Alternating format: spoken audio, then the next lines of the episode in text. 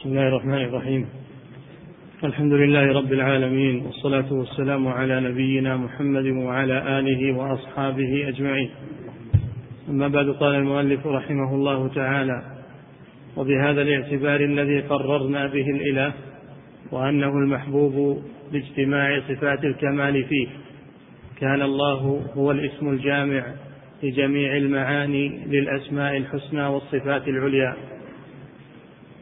بسم الله الرحمن الرحيم. الحمد لله رب العالمين صلى الله وسلم على نبينا محمد وعلى آله وأصحابه أجمعين.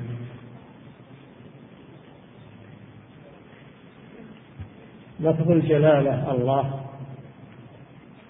لا يسمى به غير الله سبحانه وتعالى.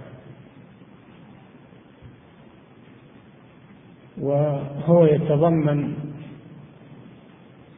يتضمن كل أسماء الله وصفاته فهو الله جل وعلا بأسمائه وصفاته كلها. ولذلك في آخر سورة الحشر قوله تعالى هو الله الذي لا إله إلا هو عالم الغيب والشهادة. إلى قوله تعالى له الأسماء الحسنى يسبح له ما في السماوات وما في الأرض وهو العزيز الحكيم. والله مشتق من الألوهية وهي المحبة فهو الله أي المألوه المحبوب. الذي تألهه القلوب محبة وإجلالا. كما قرر ذلك أهل العلم. الألوهية والتأله ألوهية لله عز وجل والتأله يكون من المخلوق. والذي يتأله الله أي يعبده ويحبه. وهذا هو توحيد الألوهية. نعم. وبهذا الاعتبار الذي قررنا به الإله وأنه المحبوب لاجتماع لاجتماع صفات الكمال فيه كان الله هو الاسم الجامع لجميع المعاني للأسماء الحسنى والصفات العليا وهو الذي ينكره المشركون. نعم. الذي ينكر المشركون هو توحيد الألوهية كما يأتي. وأما توحيد الربوبية فهم يعترفون به. لكنه لا يكفي ولا يكون به العبد مسلما حتى يأتي بتوحيد الألوهية. وذلك بأن يفرد الله جل وعلا بالعبادة دون ما سواه. نعم. وهو الذي ينكره المشركون ويحتج الرب سبحانه عليه. هو الذي ينكره المشركون. المشركون ما أنكروا توحيد الربوبية بل أقروا به. كما ذكر الله ذلك عنهم في آيات كثيرة. وأنهم لو سئلوا من الذي يرزقهم ومن الذي خلقهم ومن الذي له ملك السماوات والأرض سيقولون الله. يعرفون بهذا ولكنهم أنكروا توحيد الألوهية أن تخسر العبادة في الله. يريدون أن يعبدوا ما شاءوا من الأصنام والأحجار والأشجار والأموات مخلوقين. فهم أنكروا توحيد الألوهية. ولذا بعث الله الرسل كلهم يدعون إلى توحيد الألوهية. ما أرسلنا من قبلك من رسول إلا نوحي إليه أنه لا إله إلا أنا. فاعبدون. اعبدوا الله. ما لكم من إله غيره. كل نبي يقول لقومه يا قوم اعبدوا الله. ما لكم من إله غيره. لم يقولوا لهم أقروا بأن في توحيد الربوبية بأن الله هو الخالق الرازق المحيي المميت المدبر. لم يقولوا لهم هذا. قالوا اعبدوا الله. فهم جاءوا بالدعوة إلى إفراد الله جل وعلا بالعبادة فهم لا يريدون ذلك لا يريدون أن تكون العبادة محصورة في الله بل يعبدون الله ويعبدون معه غيره.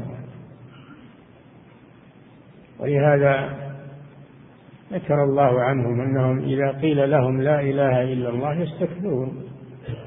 ويقولون أئنا لتاركوا آلهتنا لشاعر مجنون. هم لا يريدون أن تكون العبادة محصورة في الله بل تكون مشتركة بينه وبين غيره. وقوم نوح لما قال لهم اعبدوا الله ولا تشركوا به شيئا قالوا لا تذرن آلهتكم ولا تذرن ودا ولا سواعا ولا يغوث ويعوق ونسرا. الخلاف بين الرسل وبين أممهم إنما هو في توحيد الألوهية. هذا هو الذي أنكروه وهذا هو الذي طلب منهم. فلم يستجيبوا وهذا حقيقة ظاهرة من القرآن الكريم. فالتوحيد المطلوب هو توحيد الألوهية وليس هو توحيد الربوبية فقط. لأن هذا موجود في الناس.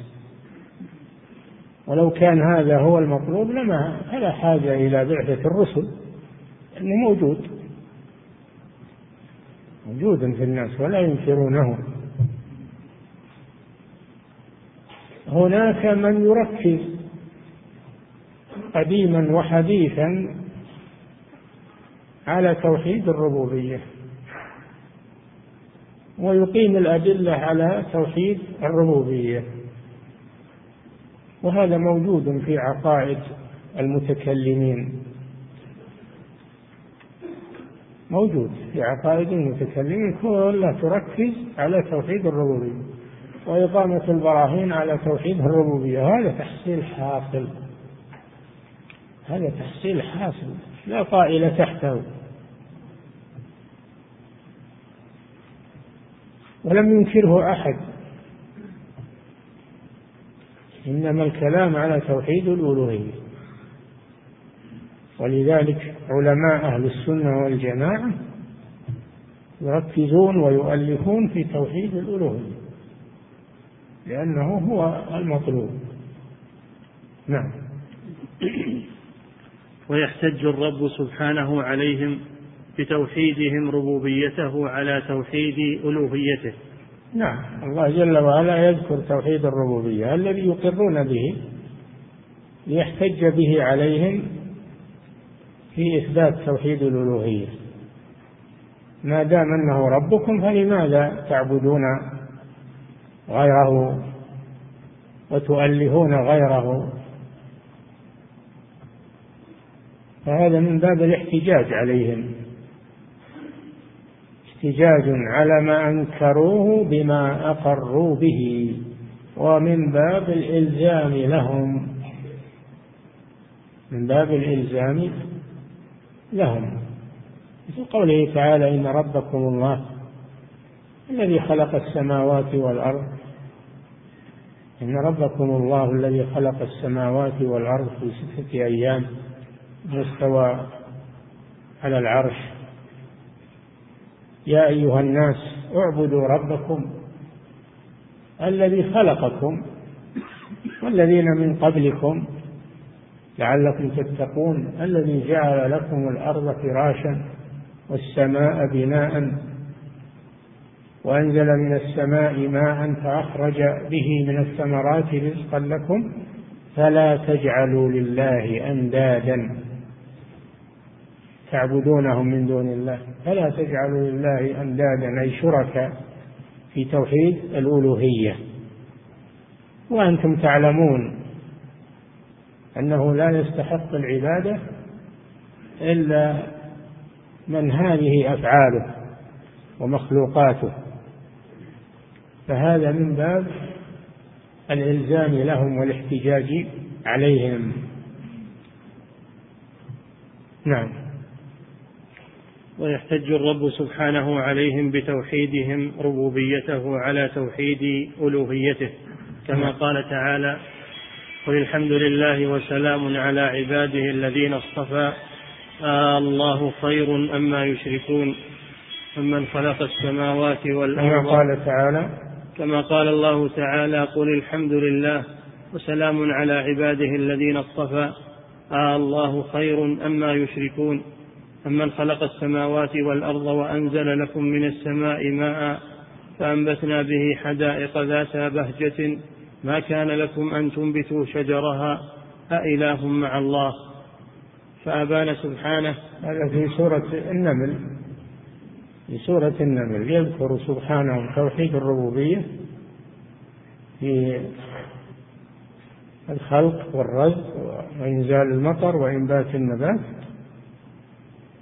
ثم يقول أإله مع الله. ينكر عليهم أنهم جعلوا مع الله آلهة أخرى في العبادة. تعالى الله عما يشركون. الأمر واضح في هذا. لا ينكره إلا مكابر. الذين يقولون التوحيد المطلوب هو توحيد الربوبية هؤلاء ما جاءوا بشيء. هذا شيء موجود. معترف به كل الخلق. وهو تعب بلا فائدة لأنه موجود متقرر في العقول والفطر. إنما الكلام في توحيد الألوهية هذا مدار الأخذ والرد. وهذا الذي شرع الجهاد من أجله من جحده و وعاند فإنه يقاتل. كان في الأمم السابقة الماضية الغابرة أن من استمر على الشرك في توحيد الألوهية وأبى أن يستجيب للرسل أن الله يعاقبهم ويستأصلهم جميعا بالعقوبة كما فعل بقوم نوح وقوم هود قوم صالح كما فعل بالأمم السابقة أن الله يأخذهم جميعا بعقوبة واحدة. وينجي المؤمنين الذين استجابوا وأفردوا الله جل وعلا بالعبادة. ثم إن الله جل وعلا بعد ذلك رفع العقوبة العامة المستأصلة وأحل محلها الجهاد. أحل محلها الجهاد في سبيل الله وقتال المشركين. من عهد موسى عليه السلام الجهاد موجود في عهد موسى وبعده. وفي عهد من جاء بعده من أنبياء بني إسرائيل. وأنهم قالوا لنبي الله ابعث لنا ملكا نقاتل في سبيل الله. إلى قوله تعالى فهزموهم بإذن الله وقتل داود جالوت ملك الكفرة. الجهاد موجود في الأمم السابقة. من عهد موسى عليه السلام وإلى يوم القيامة. وهو جهاد على توحيد الألوهية. على توحيد الألوهية لا على توحيد الربوبية. نعم. فأبان سبحانه بذلك أن المشركين إنما كانوا يتوقفون في إثبات توحيد الإلهية لا توحيد الربوبية. نعم. على أن منهم من أشرك في الربوبية كما يأتي بعد ذلك إن شاء الله تعالى. وهم قليلون الذين أشركوا في توحيد الربوبية قليلون ونزر يسير وهم إنما أشركوا به في الظاهر دون الباطن. هم معترفون في قرارة أنفسهم لأن الله هو الرب وحده خالق الرازق المحيي المميت. يعترفون بهذا في قرارة أنفسهم وإن تظاهروا بإنكاره إما عنادا وإما تكبرا وإما طمعا في الرياسة والملك فإنهم معترفون به في فقرهم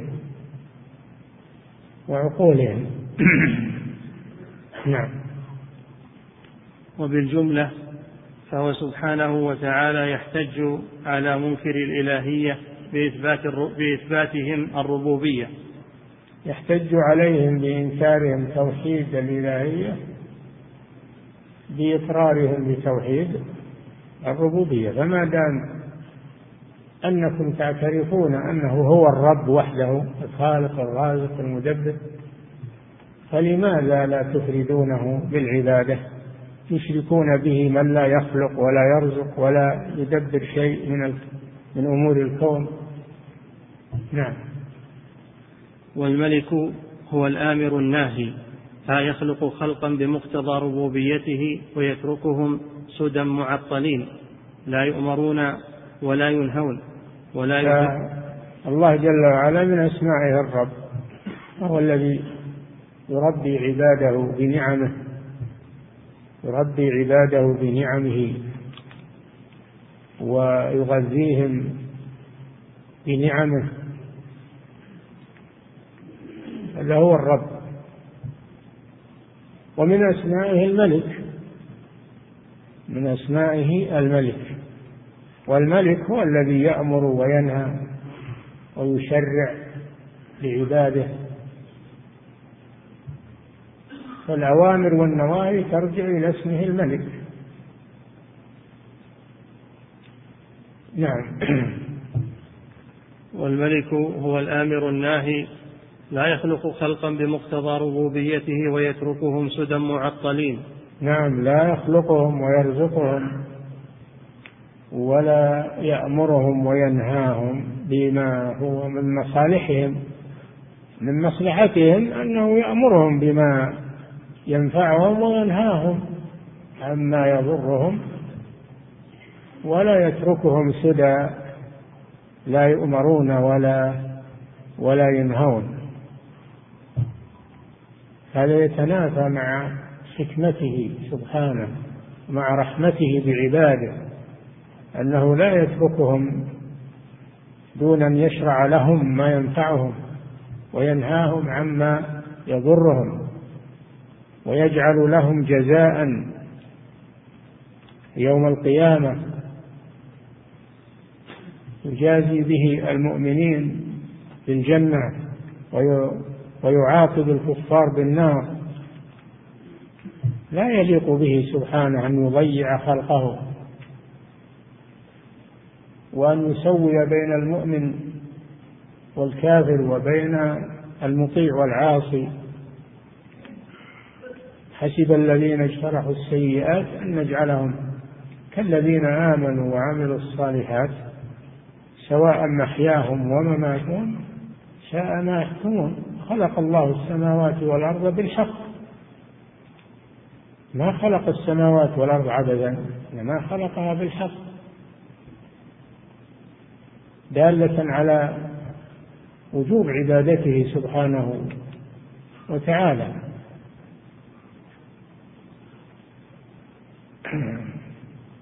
وهذا موجود في القرآن أن الله لا يليق بعدله وحكمته أن يسوي بين الكفار والمؤمنين أبدا ولا بين الفجار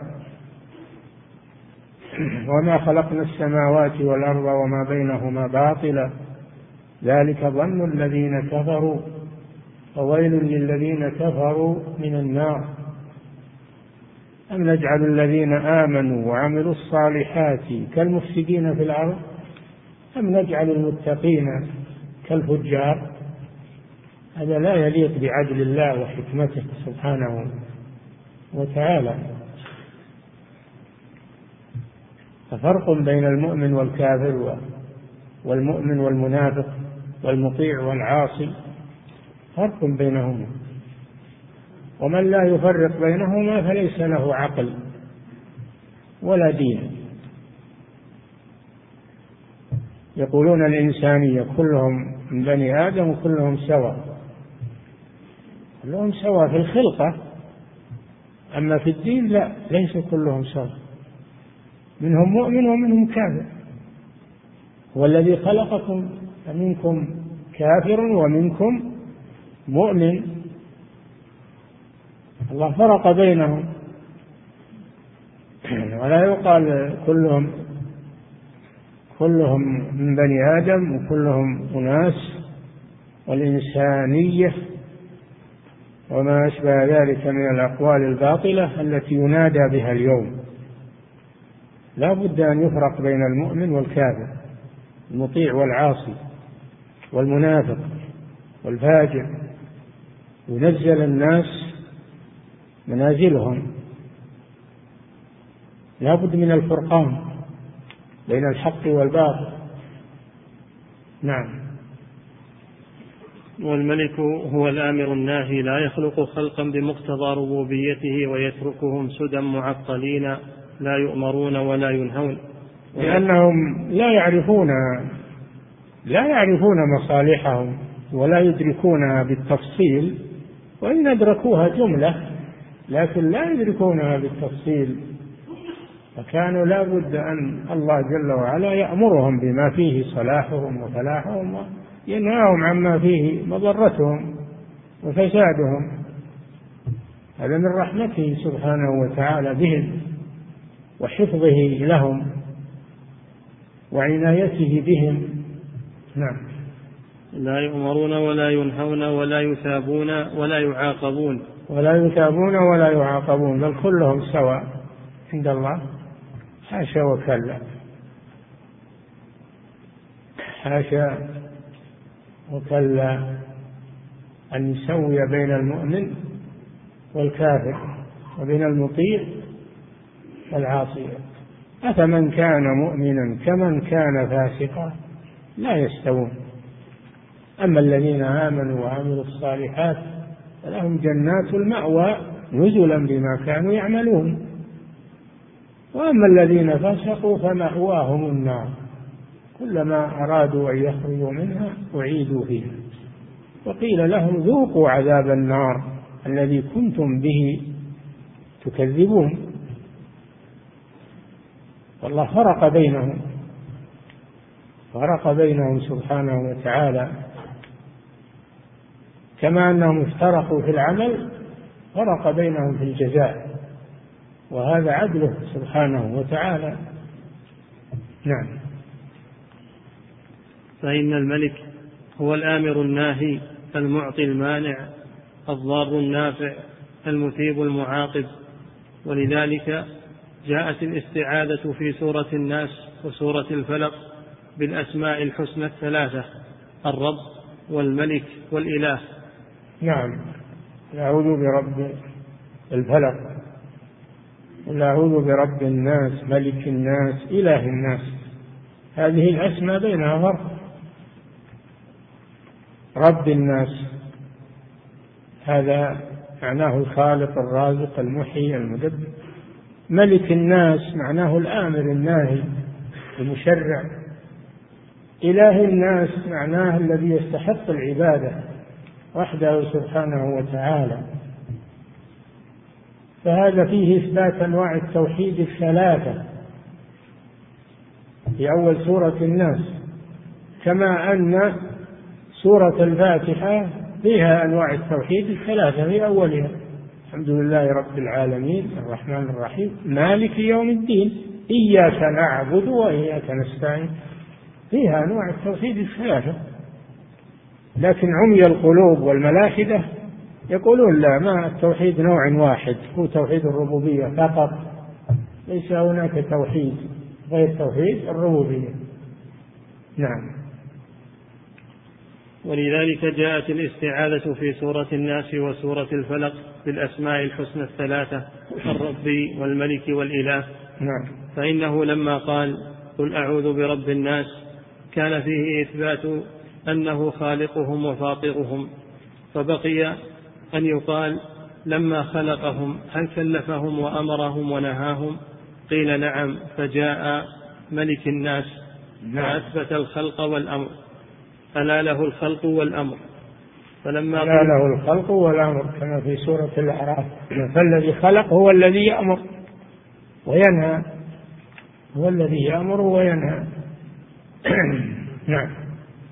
فلما قيل ذلك قيل فإذا كان ربا موجدا وملكا مكلفا فهل, فهل يحب ويرغب إليه ويكون التوجه إليه غاية الخلق والأمر؟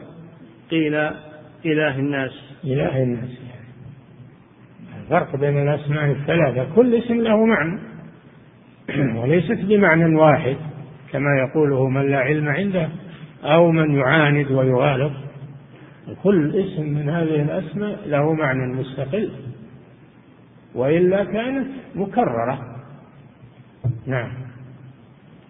قيل إله الناس أي مألوههم ومحبوبهم الذي لا يتوجه العبد المخلوق المكلف العابد إلا إليه فجاءت الإلهية خاتمة وغاية.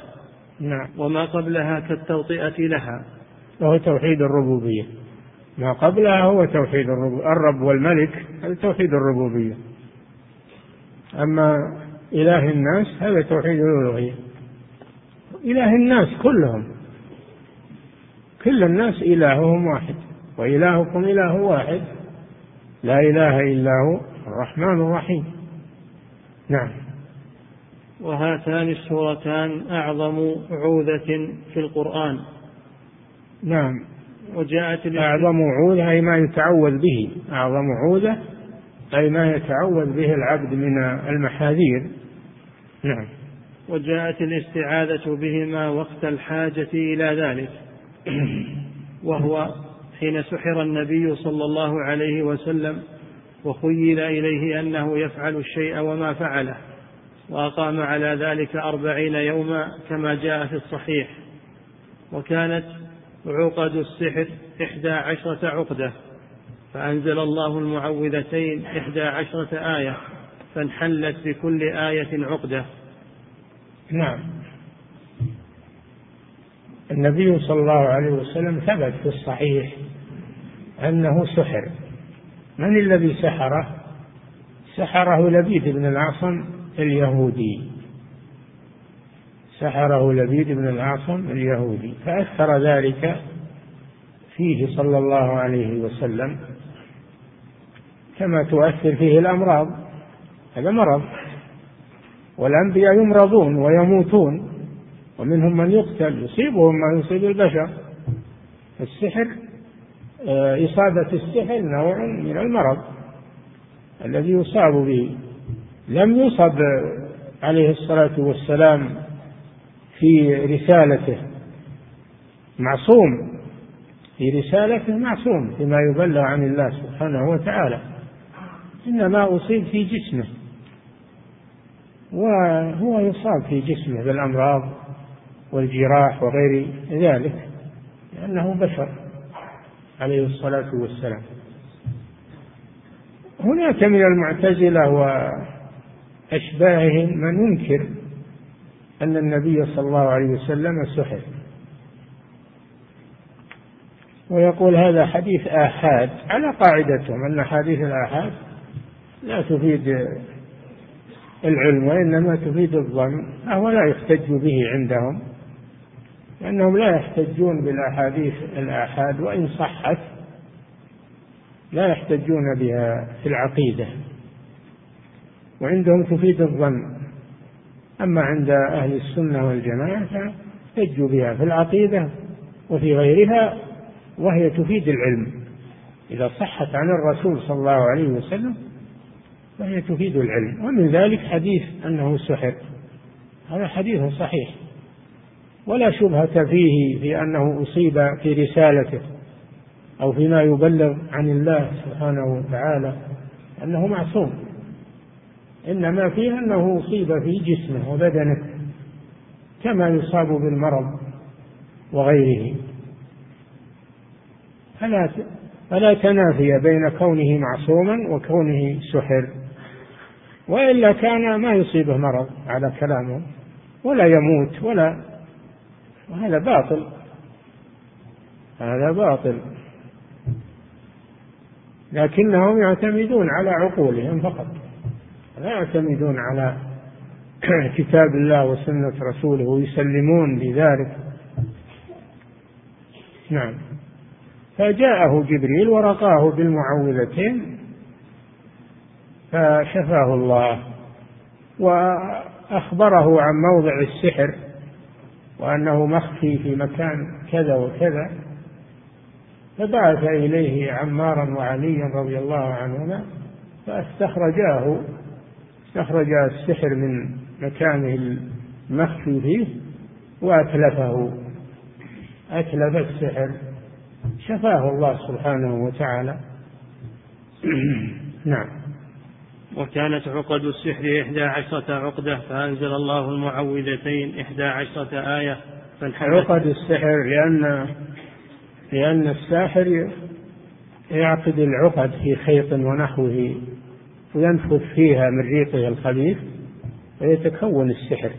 يستعين بالشياطين ويتكون السحر. ولهذا جاء في سورة الفلق ومن شر النفاثات السواحر في العقد. في العقد التي في الخيوط. نعم.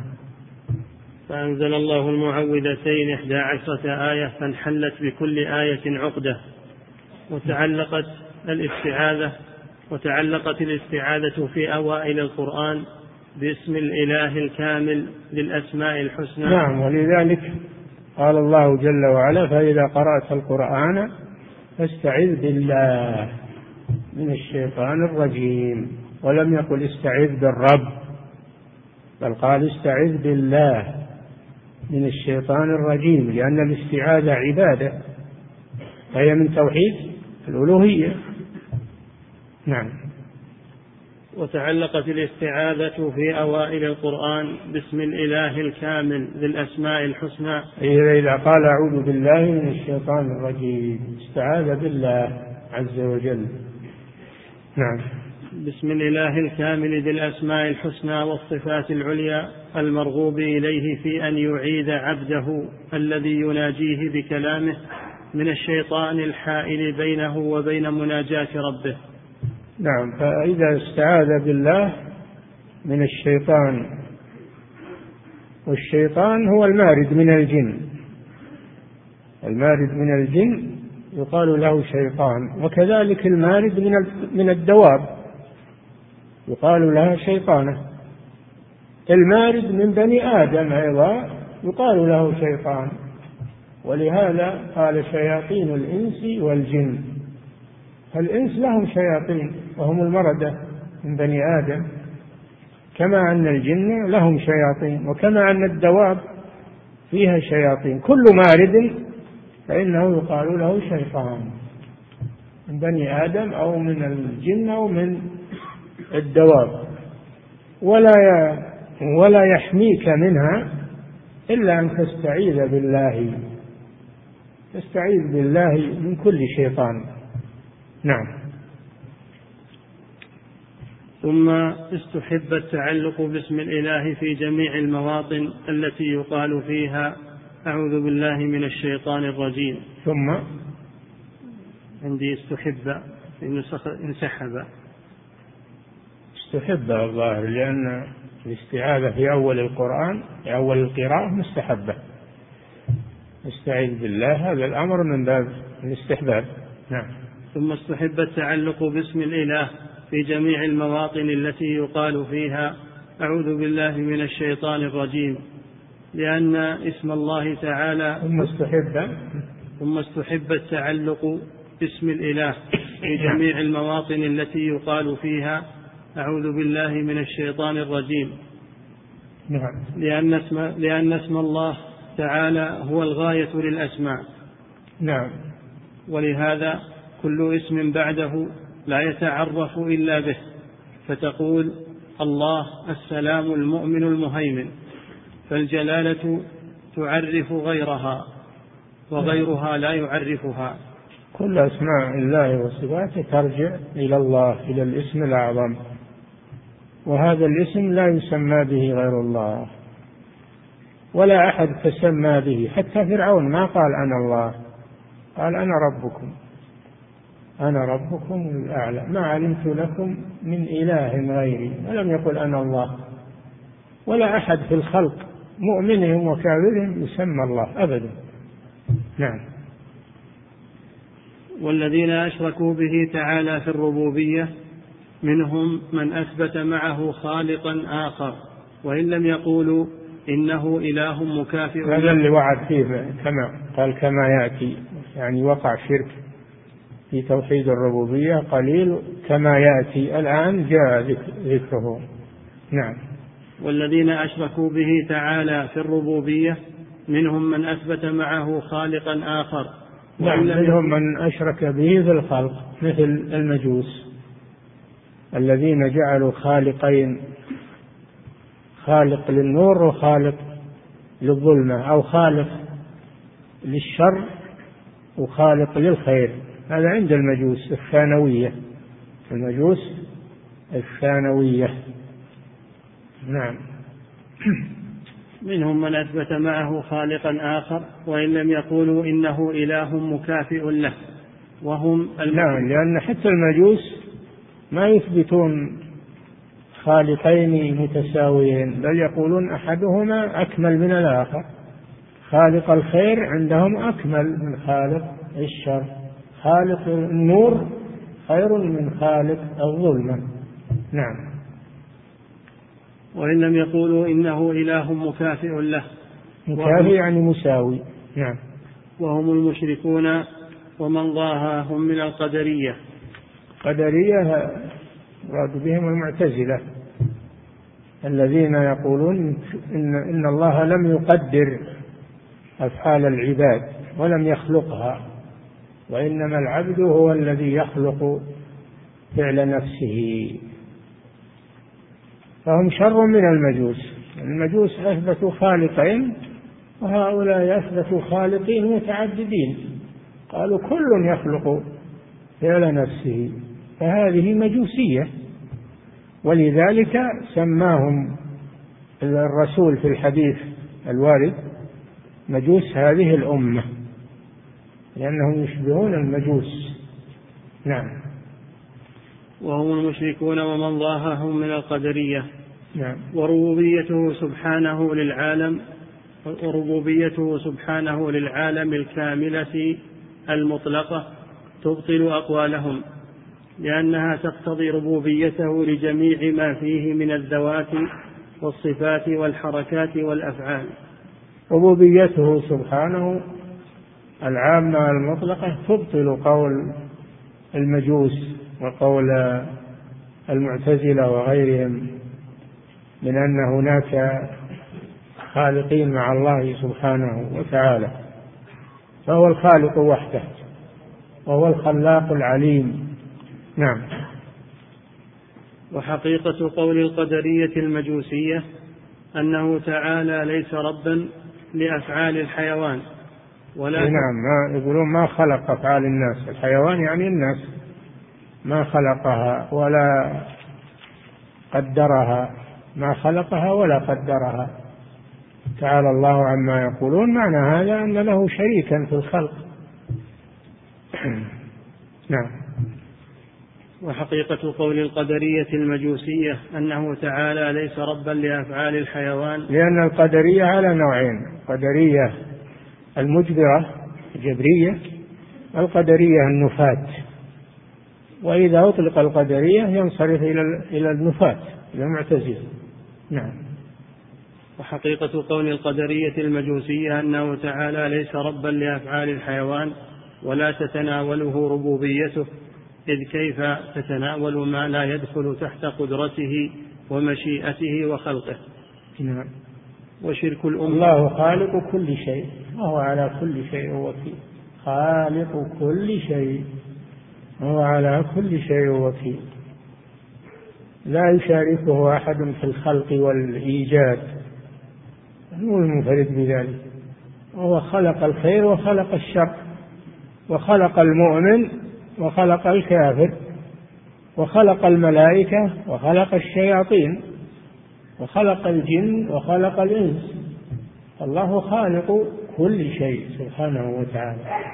ولا يخلق شيئا إلا لحكمة. لا يخلق شيئا عبثا نعم. وشرك الأمم كله نوعان. شرك في الإلهية. هذا نقف عند هذا. نعم.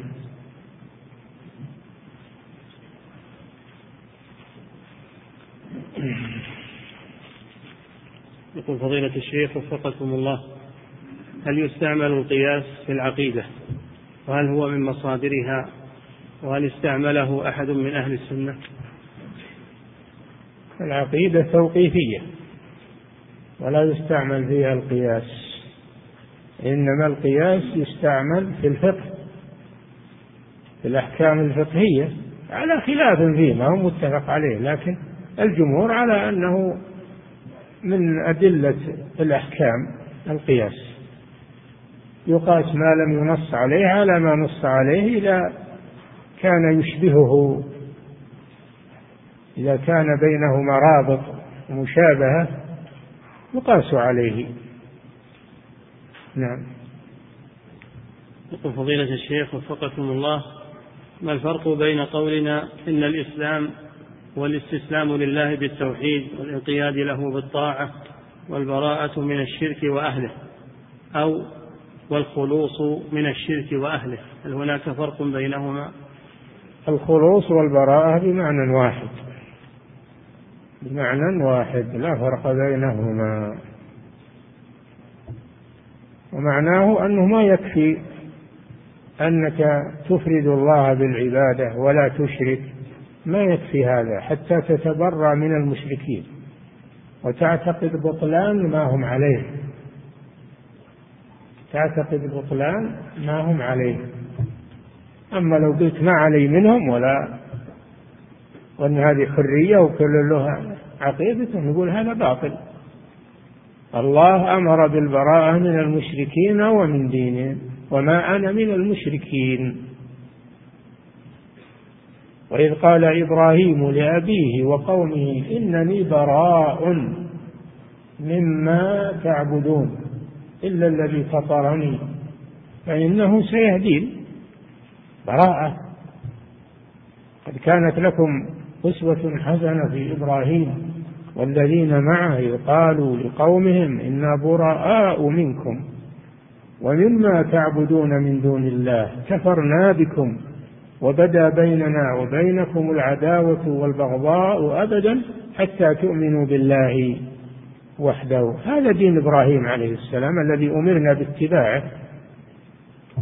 يأتينا في هذا الزمان من المتحذلقين من يقول لا لا تتبرى من المشركين لهم دينهم ولك دينك. الله جل وعلا قال لكم دينكم ولي دين من باب البراءة لا من باب المسالمة ولا والموادعة وكل له دينه لا. بل هذا من باب البراءة.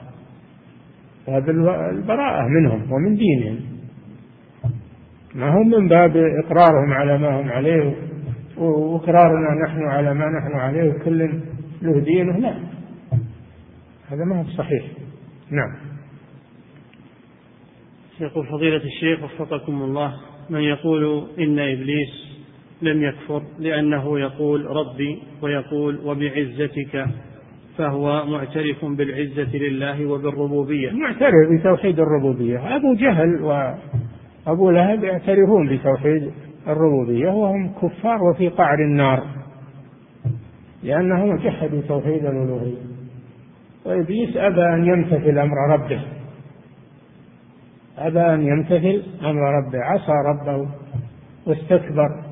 أبى واستكبر كان من الكافرين نعم.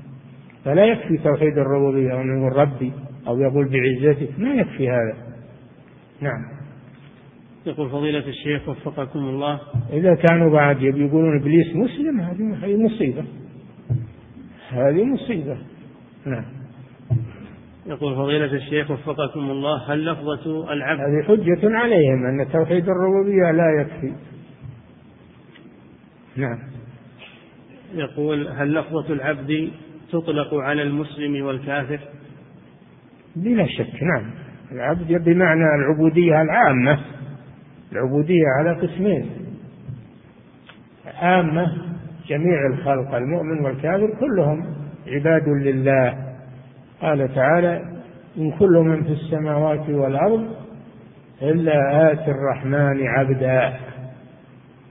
والعبودية الخاصة هي الإيمان بالله عز وجل وعبادته. هذه عبودية خاصة. نعم. يقول فضيلة الشيخ وفقكم الله يقول عندنا في بلادنا يوجد مقرر في المدارس لكتاب التوحيد في الابتدائية والمتوسطة يتحدث عن توحيد الربوبية فقط. قلت لكم هذا قلت لكم عقائدهم عقائد علماء الكلام كلها على هذا. في بلاد المسلمين وفي مدارسهم ومعاهدهم وكلياتهم ما يدرسون إلا توحيد الربوبية. يركزون على هذا. نعم. يقول فضيلة الشيخ وفقكم الله هل يمكن أن هل يمكن أن تترجم كلمة أو لفظة الله لفظ الجلالة إلى لغة محلية أخرى غير العربية؟ لا أعلم هذا. أنا لست متخصصا بالترجمة. لا أعلم هذا. ولكن الذي سمعت أنه ما يمكن. الذي سمعته أنه لا يمكن. نعم. يقول فضيلة الشيخ وفقكم الله هل المشركون كلهم أو بعضهم يعترفون بتوحيد الأسماء والصفات؟ نعم يعترفون. يعترفون بتوحيد لأنه من توحيد الربوبية. توحيد الأسماء والصفات. من توحيد الربوبية. ومنهم من ينكر الرحمن كما ذكر الله عز وجل. لكن هو لا يكفي. الإقرار بتوحيد الأسماء والصفات لا يكفي. لأنه لا يعدو أن يكون اعترافا بتوحيد الربوبية. نعم. يقول فضيلة الشيخ وفقكم الله يقول يوجد في الغرب كثير من الكفار. يوجد؟ يوجد في الغرب كثير من الكفار ينكر وجود الله. فكيف يكون الرد على مثل هؤلاء؟ هؤلاء ملاحدة معطلة هذا بيأتي الكلام عليهم وبيأتي. في نفس الكتاب الذي معنا هؤلاء يقال لهم الملاحدة والمعطلة. نعم. يقول فضيلة الشيخ وفقكم الله من يقول لا تتكلموا في التوحيد حتى لا يتفرق الناس لأنه يفرق ويشتت الكلمة. فما حكم مثل هذه المقولة؟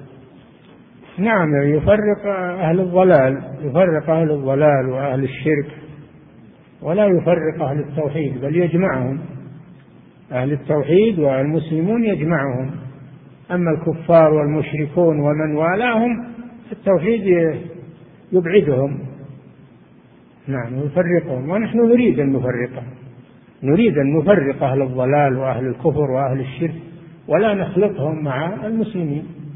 هذا ما نريده نعم. يقول فضيلة الشيخ وفقكم الله من يقول إن الكفار إن الكفار إخوان لنا في الإنسانية وليس في الدين. هل كلامه هذا صحيح؟ الإنسانية ما, ما يكفي هذا. ما يكفي الأخوة في الإنسانية. ولا يقال هذا من باب تقريبهم أو العطف عليهم. لا.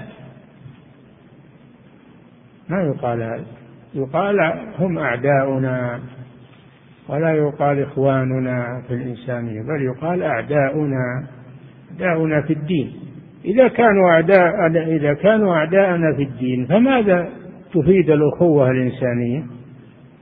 ماذا تفيد؟ أيضا فرعون إنسان يا أخي فرعون إنسان ولا لا؟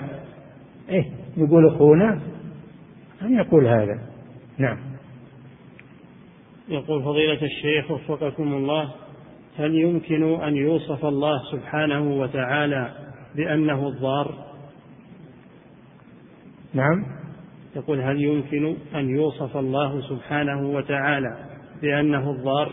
نعم الله خلق الخير والشر وخلق الضر والنفع.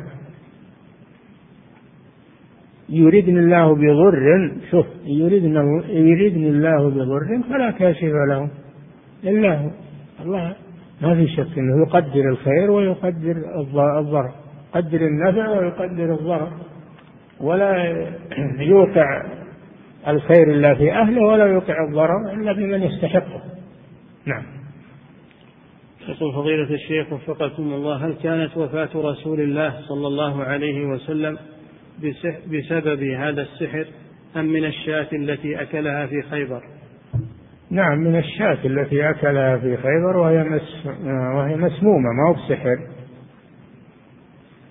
مات بالسم لا بالسحر. الشاة التي أكلها في خيبر فيها سم وبقي في أثره على الرسول صلى الله عليه وسلم حتى توفي. نعم.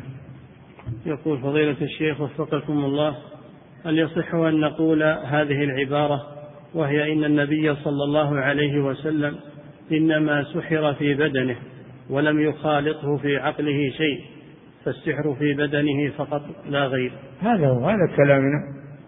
وسحره أصابه في بدنه وفي صحته كما يصيبه المرض والجراحة وغير ذلك. نعم. يقول فضيلة الشيخ وفقكم الله ما معنى قول أهل السنة والجماعة إن للسحر حقيقة؟ يعني واقع ما هو بتخيل السحر على قسمين سحر حقيقي وسحر تخيلي المعتزلة ما يقرون بالسحر الحقيقي إنما يقولون هو تخيلي ليس حقيقة. لكن الذي عليها السنة والجماعة أن السحر على قسمين سحر حقيقي يصنع ويعمل وعقد و ونفس وغير ذلك. وسحر تخييلي وهو القمرة التي تكون على الأعين. خيلوا إليه من سحرهم أنها تسعى. هذا التخييلي نعم. يقول فضيلة الشيخ وفقكم الله هل هناك فرق بين الخوف والخشية؟ لا فرق بينهما فيما يظهر الخوف والخشية. نعم. يقول فضيلة الشيخ وفقكم الله هذا سؤال من أحد أئمة المساجد في أوروبا يقول إنه يعمل في المسجد وتكثر في هذا المسجد البدعة والمسؤولون في هذا المسجد يدعون الناس إلى البدع فهل يجوز له أن يمكث وأن يبقى إماما لهذا المسجد؟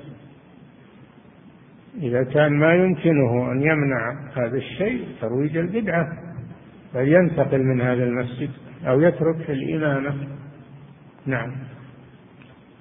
يقول فضيلة الشيخ وفقكم الله يوجد بعض إخواننا قد ذهب إلى بلاد الكفر ثم عاد بلا عقيدة لا في الربوبية ولا في الألوهية ويصعب علينا رده إلى ما كان عليه من الفطرة السليمة. فأرجو أن تدلونا على طريقة ناجحة تؤثر في مثل هؤلاء. هذا هو الذي من أجله حرم السفر إلى بلاد المشركين وأمر بالهجرة بلاد المسلمين. وهذا خطر الابتعاث يسمونها الابتعاث الآن. هذا خطر الابتعاث. فهذا لا حيلة فيه. إذا فسد قلبه إذا فسد قلبه وأصبح ملحدا فلا حيلة فيه. لأنه فسد قلبه ما ما يمكن علاجه. نسأل الله العافية. لكن عليكم بالبراءة منه والابتعاد عنه. نعم.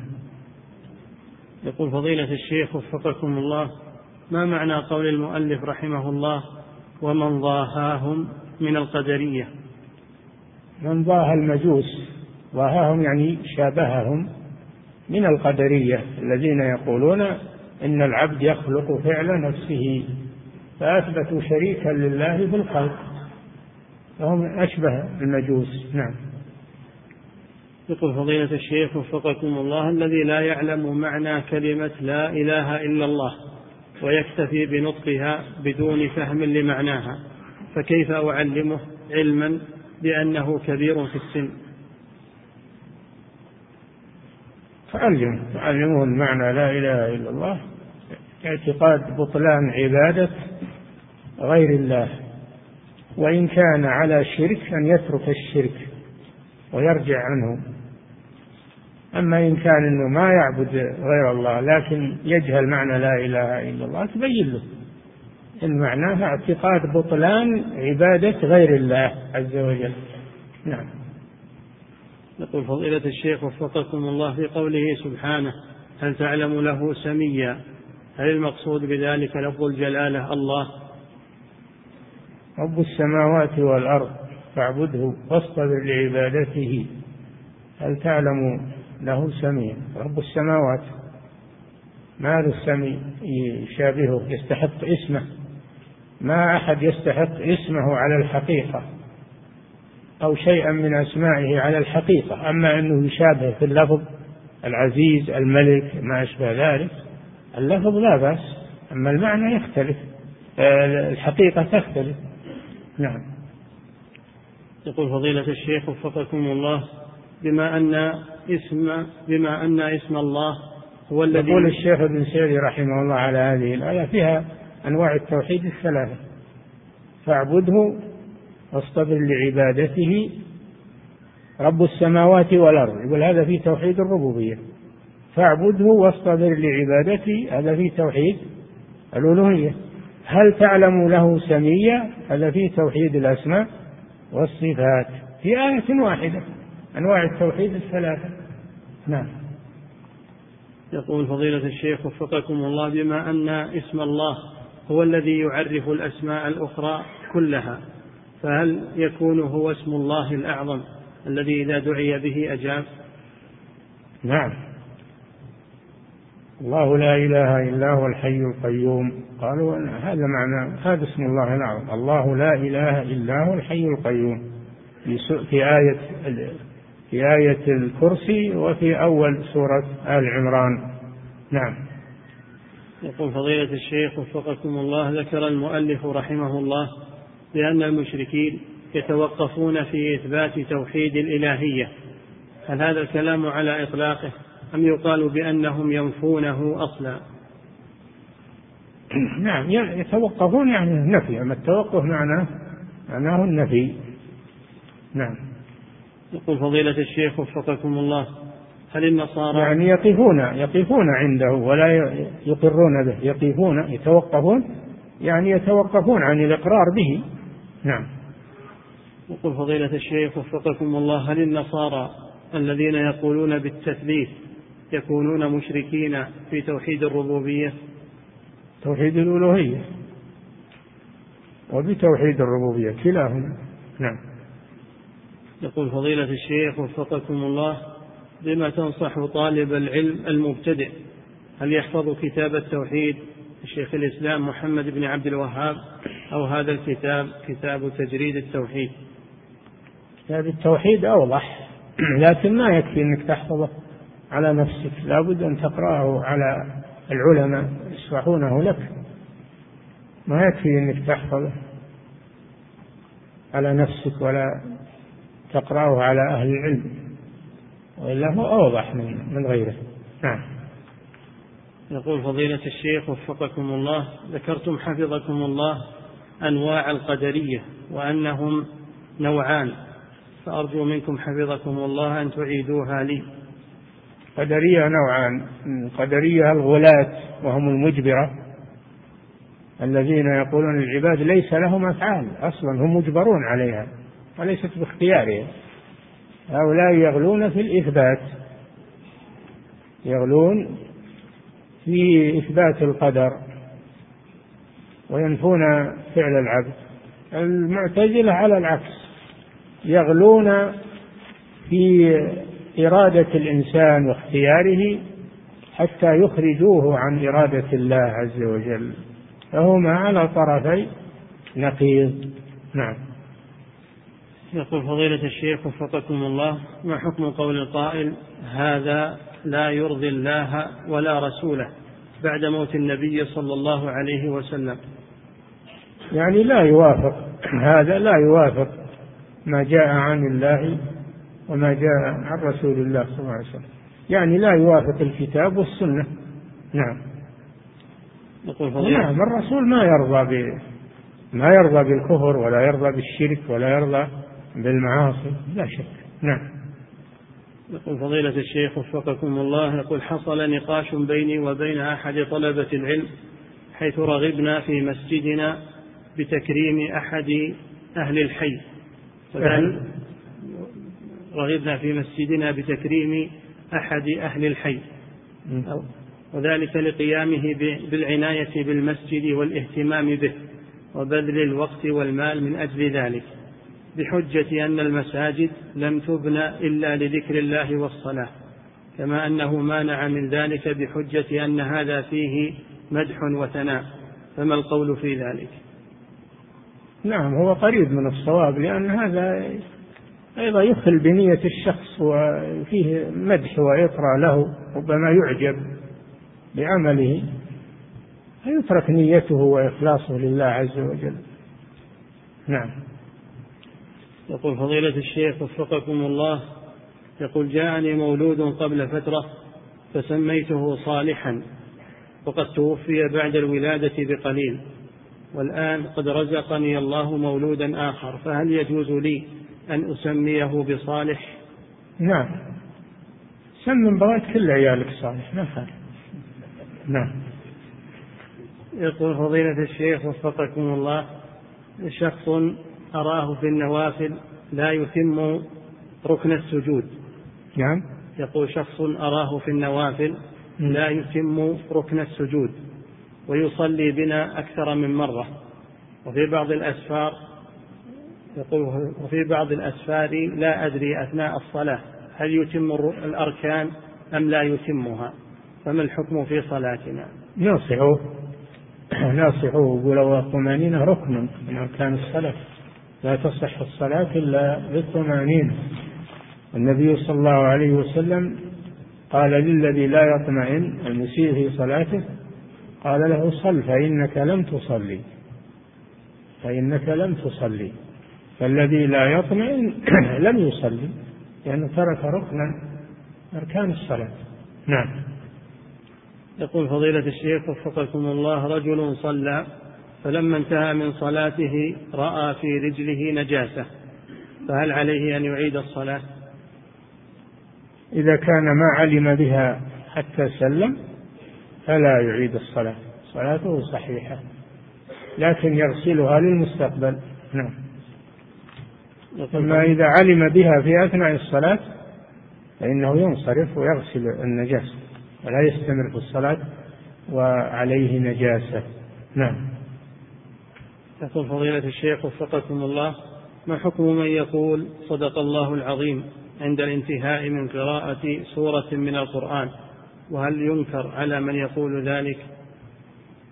نعم هذا ما ورد ولا له أصل هذا إنما الناس أحدثوه ولا له أصل وليس من آداب القراءة الواردة أنه يقال صدق الله عظيم عند نهاية القرآن. ما ورد هذا.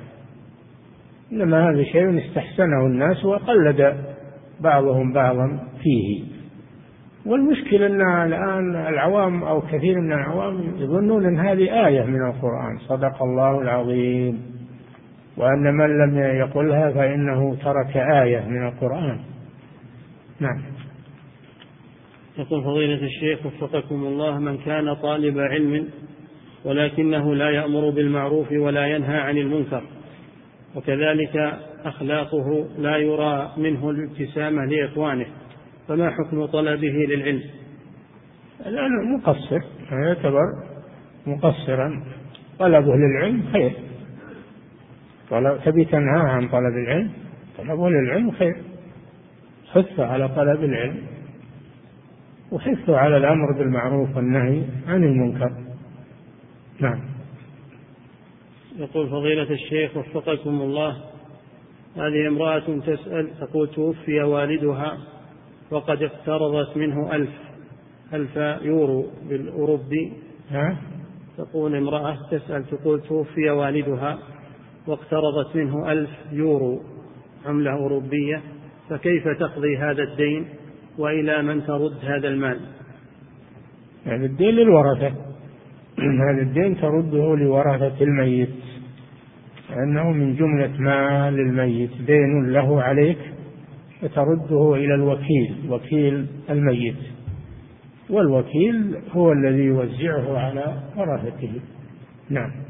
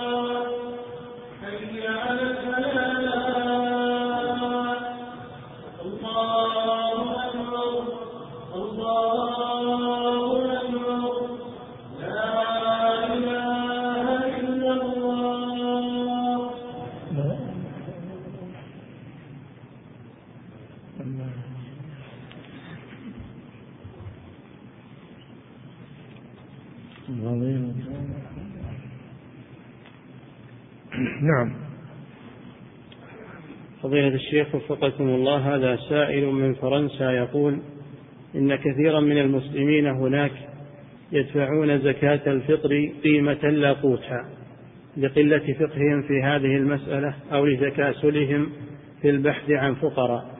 فلهذه الأسباب قمنا يا فضيلة الشيخ بإنشاء موقع نقوم فيه بجمع الزكوات ثم نوزعها على الفقراء ونعلن في الموقع عن كل من يريد المساعدة في جمع زكاته وتوزيعها.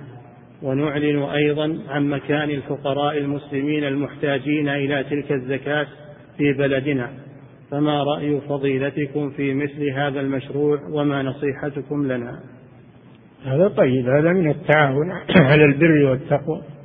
جزاكم الله خيرا. نعم. يقول فضيلة الشيخ وفقكم الله المسافر المقيم لمدة ثلاثة لمدة أقل من ثلاثة أيام هل له أن يجمع العصر مع الظهر خوفا من أن تفوته صلاة العصر بسبب إرهاق السفر؟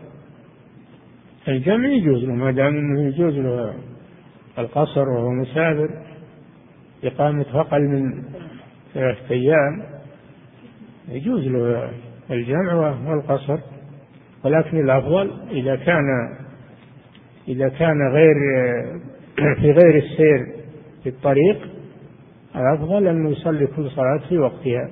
وأما القصر إذا كان فيه جماعة وفي مسجد يصلي معهم ويتم الصلاة. أما إذا كان ما فيه جماعة يصلي لحاله ولا مع ناس مثل المسافرين يقصرون الصلاة. نعم. يقول فضيلة الشيخ وفقكم الله حديث من صلى الفجر ثم جلس في مصلاه حتى الإشراق ثم صلى ركعتين كان كأجر حجة أو عمرة تامة. هل هذا حديث صحيح ثابت عن النبي صلى الله عليه وسلم؟ وهل يحصل هذا الثواب للمرأة إذا فعلته في بيتها؟ أم لا بد أن تكون في المسجد؟ الحديث لا يخلو من مقال ولكنه في فضائل الأعمال ويحتج به في فضائل الأعمال والمسلم يرجو ثواب الله. يحرص على الثواب والعبادة. وأما المرأة فلا يحصل لها هذا لأنها ليست في المسجد. كلام يجلس في المسجد. نعم. يقول فضيلة الشيخ وفقكم الله رجل فاتته صلاة العصر مع الجماعة. رجل فاتته صلاة العصر مع الجماعة. نعم. فهل يجوز لمن رآه ممن هو في المسجد أن يتصدق عليه وأن يصلي معه مع أن الوقت وقت نهي؟ لا بأس بذلك. أنه يصلي معه ليجبر جماعة ليجبر الجماعة بدل أن يصلي منفردا. يصلي معه. لقول النبي صلى الله عليه وسلم من يتصدق على هذا يصلي معه. لما جاء رجل فاتته الصلاة. نعم. يقول فضيلة الشيخ وفقكم الله ما حكم ما الحكم إذا أعطى الوالد ولده مبلغا من المال لإعانته على الزواج وكان هذا بعلم وبرضا من الورثة؟ من من الإخوة والأخوات والأم الذين يرثون. هذا لحاجته ما هو ما هو بتمليك هذا لحاجته ساعده للزواج. لا بأس بذلك. إنما الممنوع العطية اللي يتملكها تمولها. نعم. يقول فضيلة الشيخ وفقكم الله ما حكم وضع المصحف في أحد الجيوب الجانبية جيوب الثوب الجانبية؟ إذا كان يترتب عليه أنه يجلس عليه فلا يجوز له ذلك. أما إذا ما يجلس عليه فلا مانع. نعم. يقول فضيلة الشيخ وفقكم الله قمت بأداء العمرة في هذا الأسبوع وقصرت رأسي ولم أحلق ولما رجعت إلى الرياض قال لي أحد الإخوة اعتمر عن أبي فهل يجوز لي أن أعتمر مرتين في أسبوعين؟ اصبر اصبر لك عشرة أيام ونصف شهر ثم اعتمر عن والدك ما نعم. يقول فضيلة الشيخ وفقكم الله يقول هل الطفل الصغير الذي لم يبلغ؟ هل الطفل الصغير الذي لم يبلغ هل يقطع الصلاة؟ هذا غير مكلف. الطفل الصغير الذي لم يبلغ هذا غير مكلف. لا يؤثر على على الصلاة لأنه بعد ما يمكن ضبطه الصغير ما يمكن ضبطه. مثل الكبير أو يفهم يندفع. نعم. يقول فضيلة الشيخ وفقكم الله ما حكم التصوير بهدف توثيق الأعمال؟ مع العلم بأنه يدخل في ذلك تصوير الطلاب في المدارس. التصوير لا يجوز إلا للضرورة وهذا ما هو بضرورة. هذه مظاهر وذكريات و... وقد يكون فيها رياء ومراعاة. فلا يجوز التصوير. نعم. يقول فضيلة الشيخ وفقكم الله إذا صلى الرجل الفرض في المسجد ثم ذهب إلى جماعة في استراحة فوجدهم لم يصلوا فهل إذا أرادوا الصلاة يجب عليه أن يصلي معهم أم أن هذا الحكم خاص في المسجد؟ الظاهر الجماعة التي في المسجد والحديث ورد في المسجد. لكن لو صلى معهم من باب النافلة وإبراء الذمة لا بأس. نعم. يقول فضيلة الشيخ وفقكم الله هل يجوز إعطاء هل يجوز إعطاء أخي جزءا من زكاة أموالي لكي يقوم بإتمام بناء بيت له؟ إذا كان فقيرا ولا يستطيع إتمام بناء مسكنه فساعده من الزكاة. نعم. يقول فضيلة الشيخ وفقكم الله امرأة حاضت ولم تطهر إلا قبل صلاة المغرب بدقيقتين أو بثلاث دقائق فهل يلزمها شيء من قضاء الصلاة؟ امرأة حاضت ولم تطهر إلا قبل صلاة المغرب بدقيقتين أو بثلاث دقائق فهل يلزمها شيء من قضاء الصلاة؟ أي صلاة؟ ما في العصر قصده المغرب يجب عليه يجب عليها أن تغتسل وتصلي المغرب. لأنها في وقت المغرب. أما العصر فلا. لأنه يوم يأتي عليها العصر وهي في الحيض. نعم. يقول فضيلة الشيخ وفقكم الله ما حكم اقتناء الذئب؟ ما حكم اقتناء الذئب معلما كان أو غير معلم؟ اقتناء إيش؟ الذئب. الذئب؟ نعم. لا يجوز اقتناء الذئب هذا سبع لا يجوز اقتناؤه إنما أذن في اقتناء الكلب للحراسة أو للصيد أو للحراسة أو للصيد حراسة المزرعة أو حراسة الغنم أو للصيد. نعم. يقول فضيلة الشيخ وفقكم الله. وتخلي الذيب حرس الغنم. له نعم. يقول فضيلة الشيخ وفقكم الله ما حكم قول القائل الله لا يهينك وهل صحيح من ينكر ذلك ويقول إن الله لا يهين أحدا ومن يهن الله فما له من مكرم الله يهين. والعذاب المهين. الله يهين الكافر. ما هذا غلط إنه يقول الله لا يهين أحدا نعم. يقول فضيلة الشيخ وفقكم الله هل يجوز للمرأة الحائض أن تقرأ القرآن دون أن تمس المصحف؟ لا. الحائض لا تقرأ القرآن حتى تطهر. تغتسل. إلا عند الضرورة إذا خشيت أن تنساه أو كان وقت اختبار ويفوتها الاختبار وتقرأ قدر الحاجة. أما غير ذلك فلا. نعم. يقول فضيلة الشيخ وفقكم الله قول القائل بالحرام لا أفعلن كذا. هل يعتبر من الحلف بغير الله؟ وهل فيه كفارة؟ علما بأن القائل لا يعرف معنى ذلك.